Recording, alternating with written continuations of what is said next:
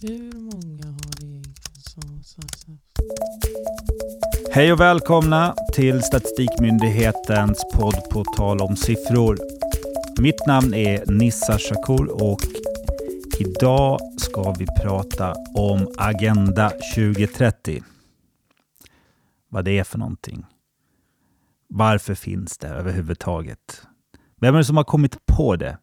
Och förhoppningsvis mycket, mycket annat. Och till min hjälp har jag två experter som båda är från SCB som ska svara på alla frågor. Hoppas jag. Eh, vi har Vivica Palm på den ena sidan. Hej Vivica. Hejsan hejsan. Och på den andra Sara Frankel. Hej Sara. Hej Nissar. Eh, kan inte ni ta och berätta vad ni gör på SCB? Ja, eh, jag samordnar den statistiska uppföljningen av eh, genomförandet av Agenda 2030 i Sverige. Försöker hålla reda på vem som gör vad och så. Och se till så att det kommer ut rapporter eh, till regeringen. Ehm, Har du fått träffa statsministern? nej, jag har inte fått träffa statsministern. Nej, jag har inte fått träffa statsministern. Vem har du träffat i regeringen? Vem har jag träffat? Har jag hälsat på Isabella Lövin någon gång? Du har träffat Ardalan Shekarabi. Ardalan har jag träffat. Ja. Är de nöjda med vårt jobb? Ja. Med Enligt ditt deras jobb? tjänstemän Och är de även, det. och även men det enligt bra. dem själva faktiskt. Ja. Det har sagts i mikrofon. Ja, jo. Ja, bra. Ja.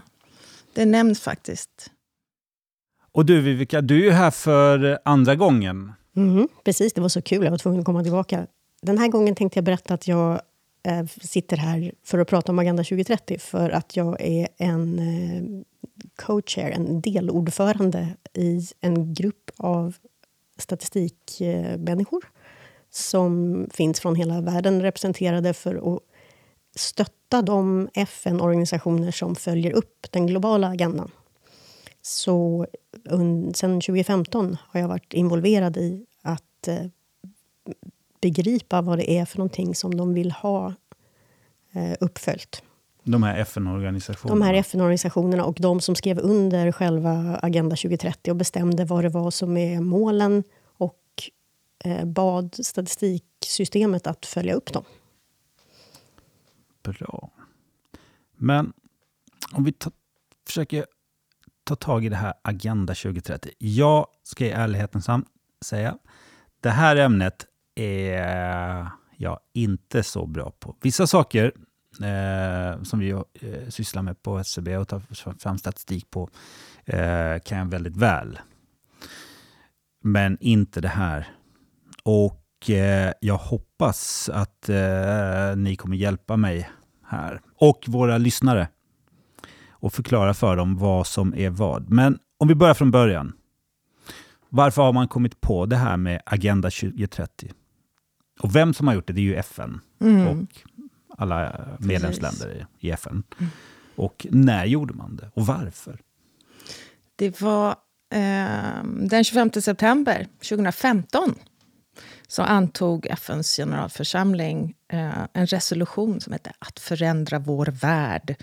Agenda 2030 för hållbar utveckling. Eh, det är 17 globala mål eh, som spänner över massor med olika samhällsutmaningar. Eh, 169 delmål och så finns det 232 globalt beslutade indikatorer kopplade till, eh, eh, till agendan för att följa upp den. Jag måste bara fråga, trodde man att man på 15 år skulle kunna klara allt det här? Eller, eller eh, var det någon slags, är det någon slags mm, pitstop vid Alltså- 2030 och man ser hur långt man har kommit och så jobbar man vidare? Eller? Om dessa ting vet vi väldigt lite, kan Ja, man kanske säga. Men man men kan de säga har- att, att de, de, de jobbade ju vidare utifrån millenniemålen som fanns förut, som hade liksom ett fokus på de fattigaste länderna och väldigt mycket på människors basbehov, de allra fattigaste behov. De slutade 2015 och då sa man vi vill göra någonting för att ta det här vidare. Som du säger, ett stopp, men inte, det, det var inte klart än. Alla hade inte blivit mätta och belåtna 2015, även om det var det som var målet. Eller ja, nu tar jag i, men i alla fall. Eh, Så men som i alla såna här så jag, jag har ingen aning om ifall hur många av dem som förhandlade fram det här som tänkte att man skulle faktiskt ha nått målen eller inte. Det återstår ju att se. Ja, alltså, alla länder har ju liksom förbundit sig att jobba mot det här. Det kan man väl säga. Det är Mm. det man, Man jobbar gjort. mot det, men... Ja. men eh, och eh, som ett land som Sverige till exempel har ju kanske lite lättare att nå de flesta av de här målen än, än ett land som ett utvecklingsland. Ja, det kan man säga.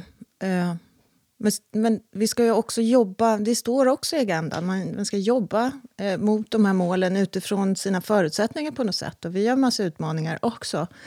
ehm, som eh, alltså på något sätt översätter det till en, till en nationell eh, kontext, eller man ska säga. Vilka utmaningar har vi i Sverige?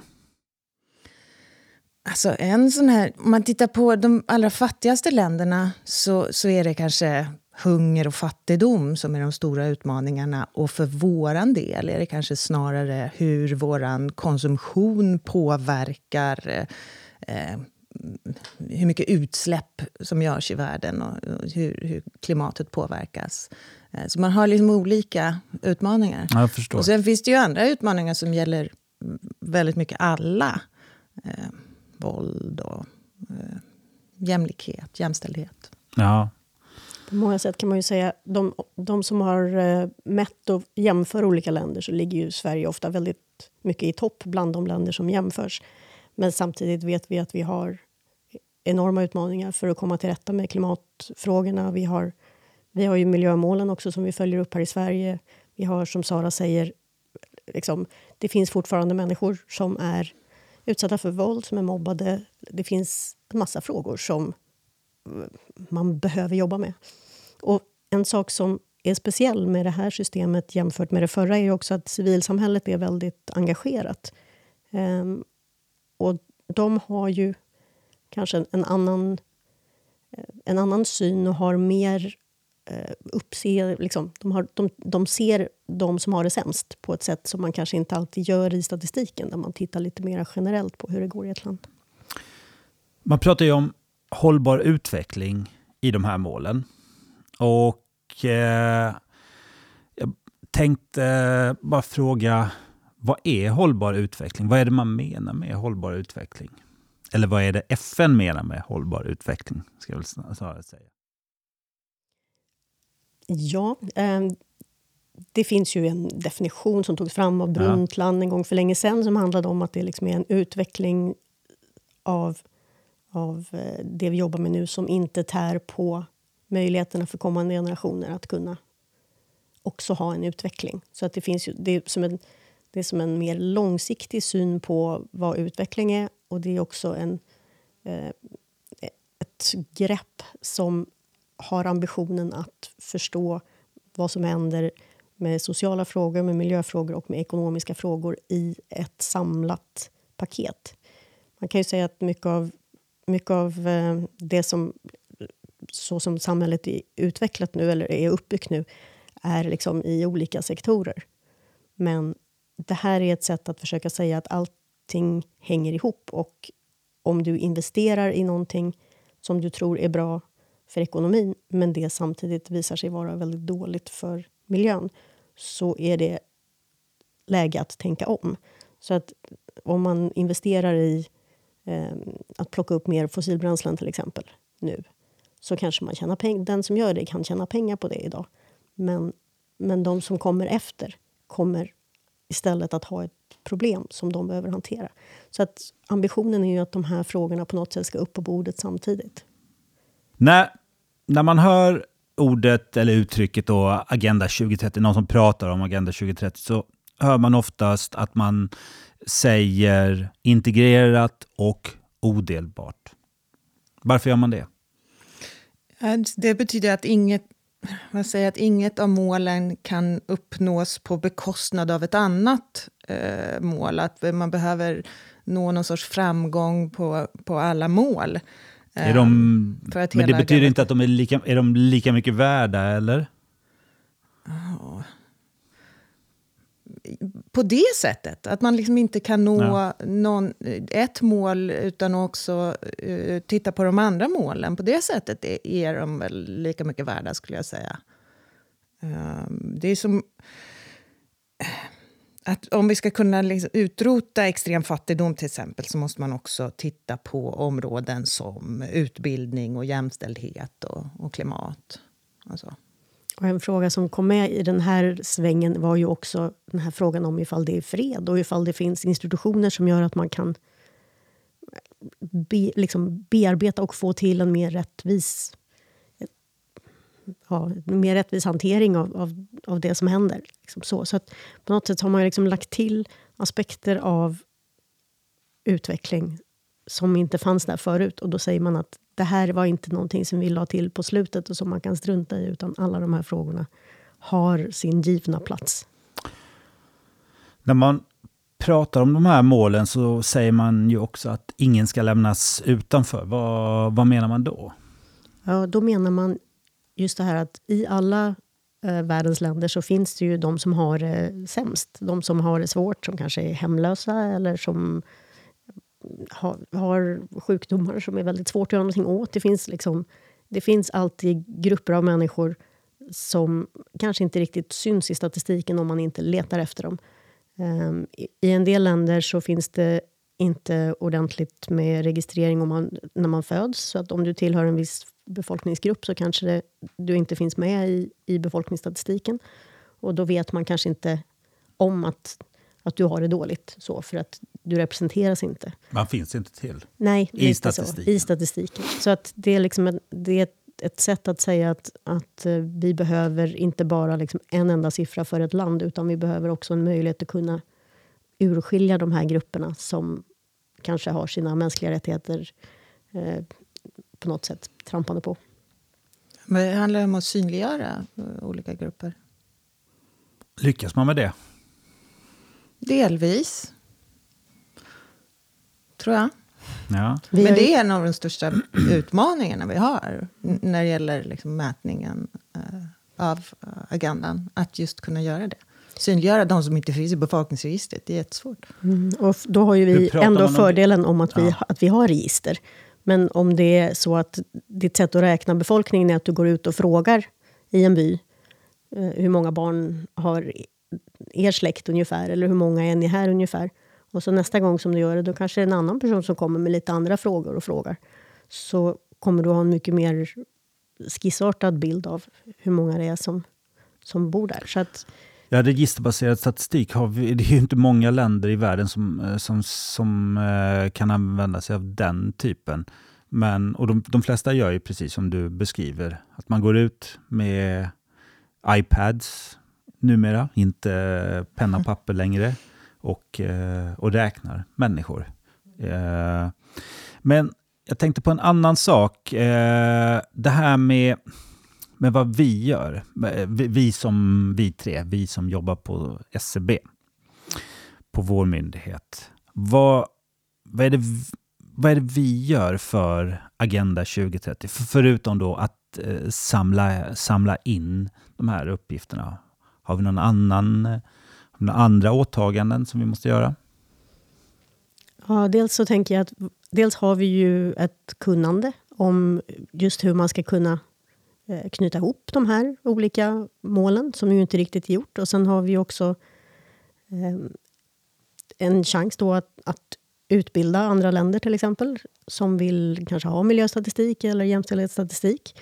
Ehm, vi har också, som vi har pratat om förut, det finns eh, statistiksystemet har 30 olika myndigheter som sköter olika delar. Så vi har också ett koordineringsansvar för att se till att, att vi jobbar ihop och att alla vet vad det är för någonting som ligger på dem och eh, att vi jobbar fram någonting. Så att en stor del med Agenda 2030 tänker jag är att man ska lära sig någonting av det här. Att det, det här är en större satsning och en mer integrerad satsning än vad man någonsin har gjort förut. Och därför så behöver man också ha kontakt med varandra för att faktiskt få syn på vad det är för nya grejer som kommer fram. Ja, precis, statistiken blir ju liksom viktig när man går från, från målet, målen som man har satt till att det ska hända någonting. Och visa på något sätt fakta på vägen. När kommer nästa uppdatering eller uppföljning av, eh, av Agenda 2030? Första oktober kommer. Har du en, kan du avslöja något redan nu? Eller är det Nej, vi, så alltså mycket vi- annat som vi har på SCB, att allting är hemligt och sekretess? hemligt. Nej, men vi, vi baserar ju eh, den här rapporteringen på befintlig statistik. Så mycket av statistiken finns ju redan. Det är bara att kolla upp i, i våra statistikdatabaser. Hur går det på det här området? Men vi kommer ju göra en samlad rapportering då.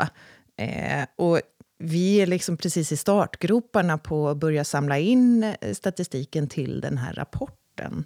Men jag vet inte, Vivica, har du någon idé om vad ja, som kan... om man vill veta ungefär vad som kommer så kan man ju titta i den rapport som vi gjorde förra gången där vi på något sätt la en baseline för Sverige för 2015. För det är ju det är fortfarande samma indikatorer som ska följas upp. Så att, och så, så himla mycket hinner inte hända på två år. Så att, eh, jag skulle säga att vill man veta, då kollar man där.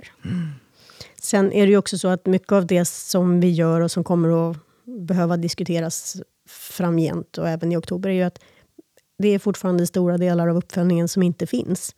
Där man har, eh, vi har fått en textbeskrivning som beskriver vad det är för någonting man vill veta någonting om. Och sen är det ett översättningsarbete att försöka hitta siffror som avspeglar det som man då vill mäta. Så att det är också så att en del av jobbet handlar ju om att försöka få fram de där extra. Fakta. Feeling. Drygt 6% av ungdomar mellan 15 och 24 varken arbetar eller studerar. Fakta eller feeling? Fakta. Ja, det stämmer faktiskt. Målet till år 2020 är att avsevärt minska den kategorin genom att fånga upp ungdomarna tidigare och ta reda på hur de kan hjälpas in i samhället. Ja, 6, 6 procent av alla ungdomar som varken arbetar eller studerar mellan 15 och 24 år. Eh, det låter ju inte som en hög siffra, inte internationellt. Jag tänker på många länder, ja många utvecklingsländer är den ju garanterat högre, men jag tror säkert många länder i Europa ligger betydligt högre än Sverige. Men jag vet inte om ni kan svara på det så här på rak arm, eller? Kan ni det? Nej, Vivica, det kan Sara? vi inte. Vi, jag har aldrig tittat på en jämförelse. Det känns som att det är, liksom en, en, att det är 6 procent. Det är, det är liksom en viktig fråga. Det är Ja. massor med ungdomar som inte... Ja, de gör ju ing- ingenting. Eller jo, de gör väl massa Ja, ja, saker, men de ju- eh, varken arbetar eller studerar. Äh, det, Ja. Det, är- det är någonting Det är som man mäter på. OECD-nivå, så det går att jämföra. Jag vet att jag har tittat på det. Jag tror vi ligger bra till, men jag kommer ju inte ihåg. Men det är som Sara säger, frågan är ju liksom hur man hjälper dem som, Mm. som det rör. Det är klart att det är en väsentlig fråga. Men okej, då fick jag inget svar på den då, men vi hoppar till något annat. Se, vad- se om man kan få svar på det. Nu är inte... Nu, nu är det så, det vet ni om, att eh, jag har massa frågor. Förhoppningsvis kan ni eh, hjälpa till och hjälpa mig och alla andra som lyssnar på detta och, och, och veta mer. Men det är inget krav som jag ställer på er att ni ska svara på vartenda, vart, vartenda, eller varenda fråga. Men det här vet jag inte om ni känner till. Jag var inne på eh, en eh, sajt om just Agenda 2030.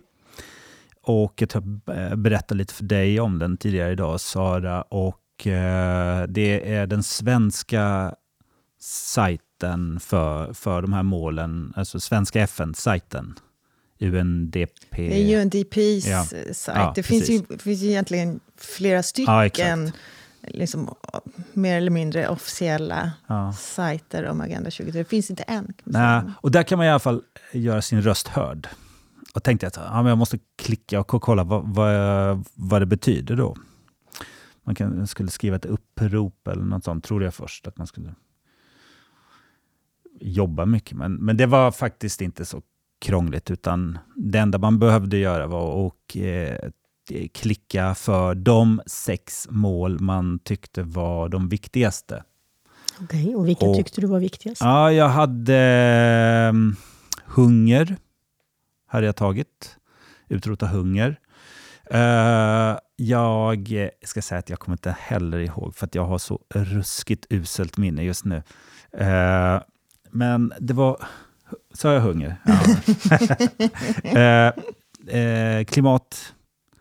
Jag tror det finns två stycken klimatmål, är det inte det? Eller i alla fall som tangerar varandra. Så jag hade de, de två. Eh, och vad gudarna var det mer?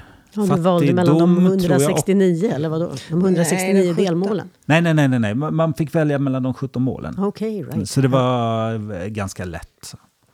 Men jag har gjort någon annan som var liksom tvärtom. Man fick Ja. svara på massa frågor och sen ploppade det upp så här, det här är dina favoritmål. Ungefär som när man ska välja parti eh, Ja, nu in, inför EU-valet. Precis, precis. Hur, hur var det för dig då? Vilka var de... Vad var du i Agenda 2030? Vilket parti var du? Jag var ehm, jämställdhet, Ja. jämlikhet, fred och frihet. Ja, ja, men det är väl fint. Ja, känns fint. Fast alla är viktiga. Alla är viktiga, precis. Man borde inte Och odelbara. Men eh, om vi eh, då ska hoppa vidare här i Agenda 2030-snacket så vet jag ju att eh, en del av ert jobb är ju att eh, träffa människor på alla möjliga platser och eh, diskutera och, och jobba med dem. Och liksom hur... Vad händer? Går man, kommer det fram någonting smart? Går det bättre? Ehm, ja, det går mycket bättre att mäta. Ja. Vi blir duktigare på det hela tiden. Men det är jättesvårt att säga liksom vad vi... Vi, vi, vi är väl inte med på de mötena där man pratar om hur går det med genomförandet av agendan. Utan vi är mer är fokuserade bara på hur det går att mäta. Liksom. Är det andra statistiker ni träffar då i första hand? Ja, absolut. absolut. Är de lika Men er? också, det finns statistiker, det finns civilsamhället, det finns också Eh, en massa FN-organisationer och andra, alltså såna så kallade stakeholders som på något sätt vill att den här uppföljningen ska bli bra. Och det är ju ofta de som har varit med, tror jag i alla fall, och, eh, och förhandlat fram själva frågorna. Så att en stor poäng med att träffas eh, oavsett om det är via Webex eller på något annat sätt, är ju Vad är det att Webex? Webex är någon slags konstigt, där man sitter, alla sitter i sina olika länder vid sina olika datorer. Och så Jaha. försöker man liksom chatta med varandra eller prata med varandra på något annat sätt. Så att merparten av våra möten är av den karaktären. Men ehm, var var jag? Var var jag? Ja, men Jag det är massa inte. folk- Ja, men, ah, alltså, vi träffar ju mest stati- statistiker och sen andra liksom, som, som vill någonting om, om vad som bör mätas och ska vil- mätas. vilka- och så försöker vi komma på olika Vilka sätt att utmaningar har eh, era kollegor då i andra länder? Vad är det som är jobbigt för dem? Och nu pratar vi inte om genomförandet, utan, Nej, utan om eh, mätningen. era då, Ja. mo- motsvarigheter, Jättemycket pratas det om resurser. Eh, som alltid. Ja, som alltid såklart. I form av hur många som kan mäta och ifall man har några register eller om man har några Ja, system. man för har, att- om han har några människor som kan genomföra. Så det är liksom, det är ju massor med saker som ska mätas. Och vi har det ju väldigt väl förspänt på något sätt. Vi har statistik på, på jättemånga av de här områdena. Så även om vi har problem med att ta fram precis en indikator som Eh, någon organisation önskar att vi skulle ta fram så kan vi i alla fall ta fram någonting. Men många länder har ju inte har, har kanske ingen statistik och då blir ju det väldigt komplicerat. Sen är det en sån himla komplex grej, hela den här agendan och uppföljningen av det. Så, så att förstå hela, förstå hur det ska gå till och hur man ska göra. Det, eh, det är en utmaning för oss alla. Mm, jag skulle säga att på sätt och vis så pratar man med de som är statistiker så har man ju en förståelse för de delarna som kan följas upp med vanlig statistik. Men det är, inte, det är kanske inte mer än en tredjedel av agendan. Och sen är det då frågor som rör helt... Ja, det kan vara vilken lagstiftning man har eller det kan röra eh, sånt som typiskt skulle modelleras fram eller fångas upp i en satellit.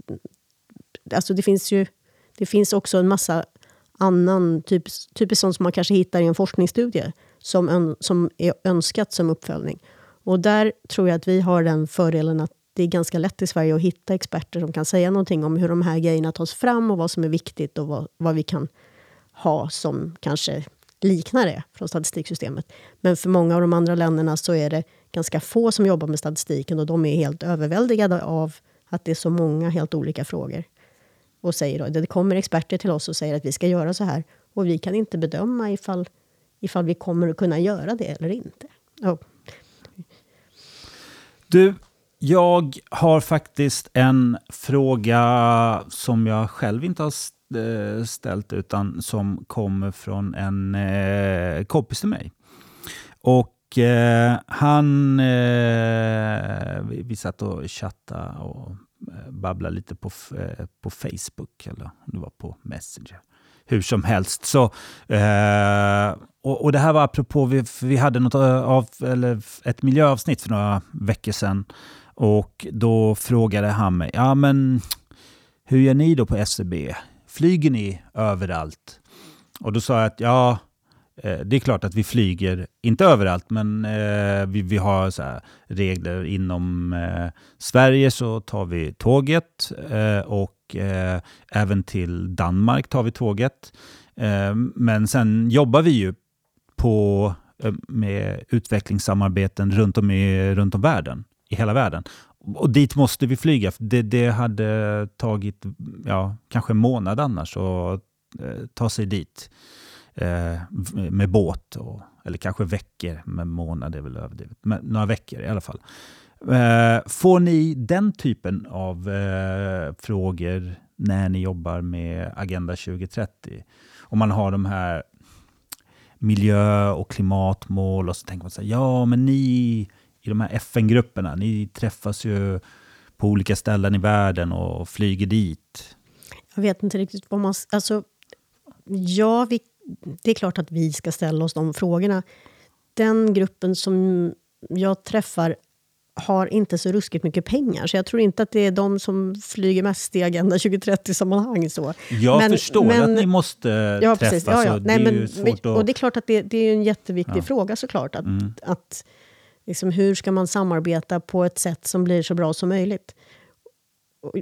Ja, jag har ambitionen att vi ska ses mer via datorn och mer via skriftligt. Och det är ju också lättare när man väl har träffat varandra.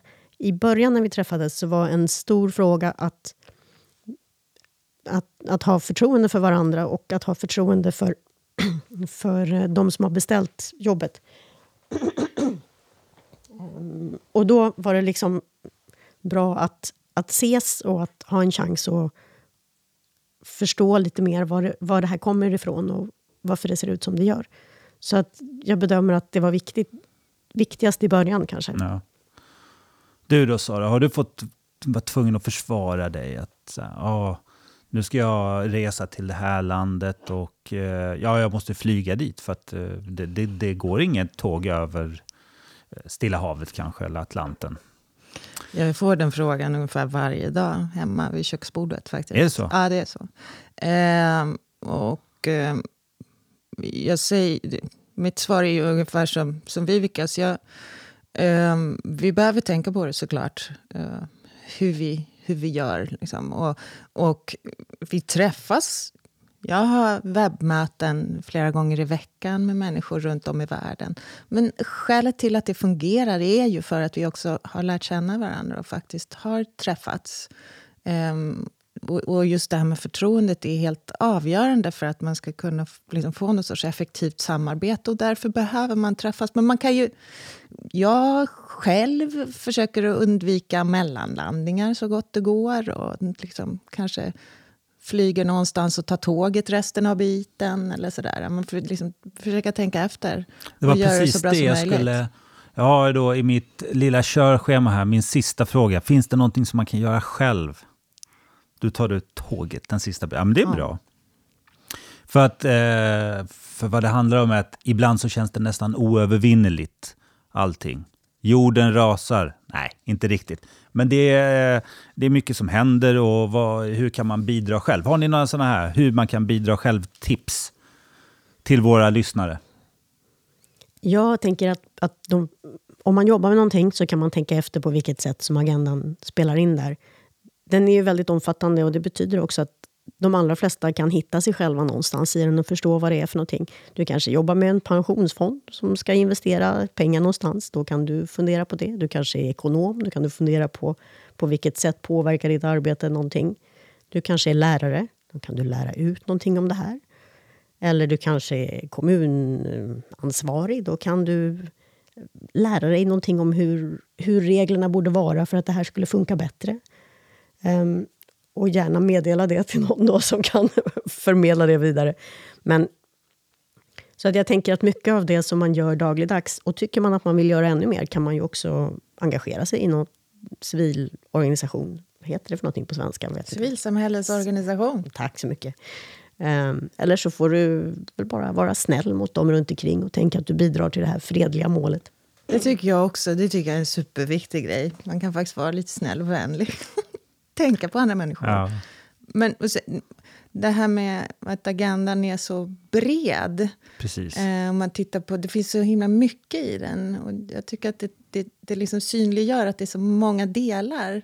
Eh, och, och det man gör på så liksom ett håll kan få återverkningar, kanske inte din personliga lilla sådär, men det kan få återverkningar på andra håll. Så det, man behöver kunna titta lite på båda sidor av myntet. Liksom. Nästan som en liten fjärilseffekt. Ja. Får man hoppas. Ja, man får hoppas att den blir en bra fjärilseffekt. Absolut.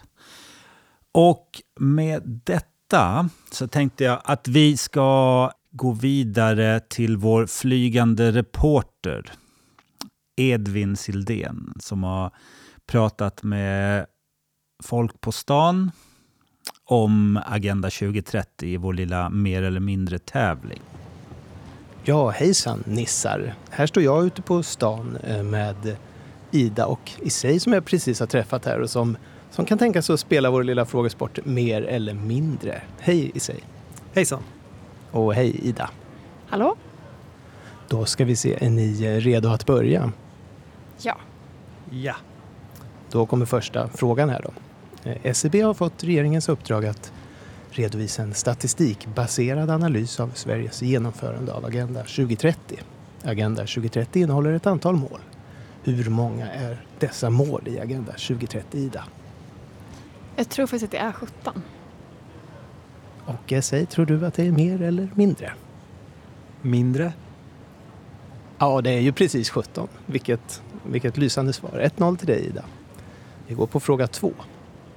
Eh, mål 2 i Agenda 2030 handlar bland annat om att avskaffa hunger och att uppnå tryggad livsmedelsförsörjning och förbättrad nutrition. Hur många miljoner människor av jordens cirka 7,7 miljarder lever idag i hunger i sig? Tre. Tre miljoner människor. Ida, är det mer eller mindre? Tror kanske att det är mer. Ja, det är mer. Det är 850 miljoner människor som lever i hunger idag. Så då har vi 2-0 till, till dig Ida. Fråga nummer tre då. Ett av målen handlar om eh, god utbildning för alla. Att säkerställa en inkluderande och likvärdig utbildning av god kvalitet och främja livslångt lärande för alla. Eh, därför undrar vi hur många i årskurs 4 till 6 som har känt sig mobbade av andra elever minst en gång i månaden under 2015? Ida? Um, kanske 8 procent. I sig tror du att det är mer eller mindre? Mer. Ja, det är mer. Det är 9 eh, procent. Då har vi 2-1 till, till dig Ida. Vi går till, rast till fråga 4. Urbaniseringen har ökat under de senaste decennierna och, och eh, idag 2019 så bor drygt 50 procent av världens befolkning i urbana områden. Hur många procent av världens befolkning väntas leva i urbana områden år 2050 i sig? 40 procent. Det är ett intressant svar. Ida, tror du att det är mer eller mindre? Tror att det är mer än 40. Ja, det är mer. Det är 70 procent som förväntas leva i urbana områden 2050. Det betyder att du har vunnit Ida. Men jag tycker vi tar sista frågan ändå, eller vad tycker ni? Ja. Sverige är det land i EU som har högst förnybar energianvändning. Hur stor del av Sveriges energimix var förnybar 2015? Då ska vi se, det kanske är 30 procent. Isse, tror du att det är mer eller mindre? Jag tror att det är mer. Ja, det är mer. Det är hela 53 procent. Då har vi en vinnare här och det var du Ida. Du vann med 3-2 om jag inte räknar fel. Tusen tack för att ni tog er tid och ha det fint. Vad tyckte ni om eh, våra deltagare, mer eller mindre? Ja, jag tycker de var ganska duktiga. Det är ju jättesvårt att, att veta såna här saker. Ja, och jag, tyckte, jag har ju doppat ner oss i den första baseline för att ta fram de här frågorna. Och en sak som jag verkligen kände när vi tittade på dem var att det mesta som står där är ju väldigt tekniskt. Alltså det, det är väldigt mycket där det kanske ja, det här är två av tusen som gör det här. Och man lämnas ganska ensam med frågan, jaha, vad, vad betyder det då? Är det, är det mycket eller lite? Och vad skulle man velat att det skulle vara? Och så där. Så att, jag tror att, att eh, det är så stor detaljeringsgrad när man väl kommer ner på uppföljningen att det faktiskt är ganska svårt att få den här överblicken som vi ju faktiskt längtar efter att få. Jag tänkte också på en annan sak. Just att eh, jag, jag tror faktiskt inte det är sådär jättemånga som känner till att det är 17 mål. Bara det. Bara det. Och eh, att, att då eh, veta andra saker inom Agenda 2030 är ju väldigt, väldigt svårt. Jag tyckte de var jätteduktiga som de var ju ändå hyfsat nära, så det var inte, det var inte, de var inte helt ute och segla iväg. Men eh, ja, bra. Bra för oss att veta också att, att eh, vad vi eh, måste jobba för att få fler att känna till det här. Det är också så att det finns ett, ett väldigt specifikt mål som handlar just om att följa upp hur mycket människor vet om hållbar utveckling. Som ju har... Som då folk Är det det artonde målet? Jag vet inte. Nej, det är någon av delmålen, jag kommer absolut inte ihåg vilket. Men i universitetsvärlden Ja. och liksom, så frågar man sig då hur ska man göra för att lära ut det här på något sätt. Eh, och, Och är det ens viktigt att man vet eh, saker, om, alltså att det hör till Agenda 2030? Just. Är det viktigt att man känner till Agenda 2030 och de globala målen som begrepp? Eller är det viktigt att man förstår vad som händer i världen när någonting händer? Liksom? Det är ju också en fråga man kan ställa sig. Hur viktigt är det? det är en Den frågan tar jag. vi till Filosofiska rummet eh, i P1. Och nu så säger jag tack till dig Sara för att du var med. Nissar. Och eh, tack till dig Viveka också för att du ville vara med. Superstort tack till er båda två. Tack så mycket. Och så hörs vi snart igen. Hej då! Hej då! Adjöken.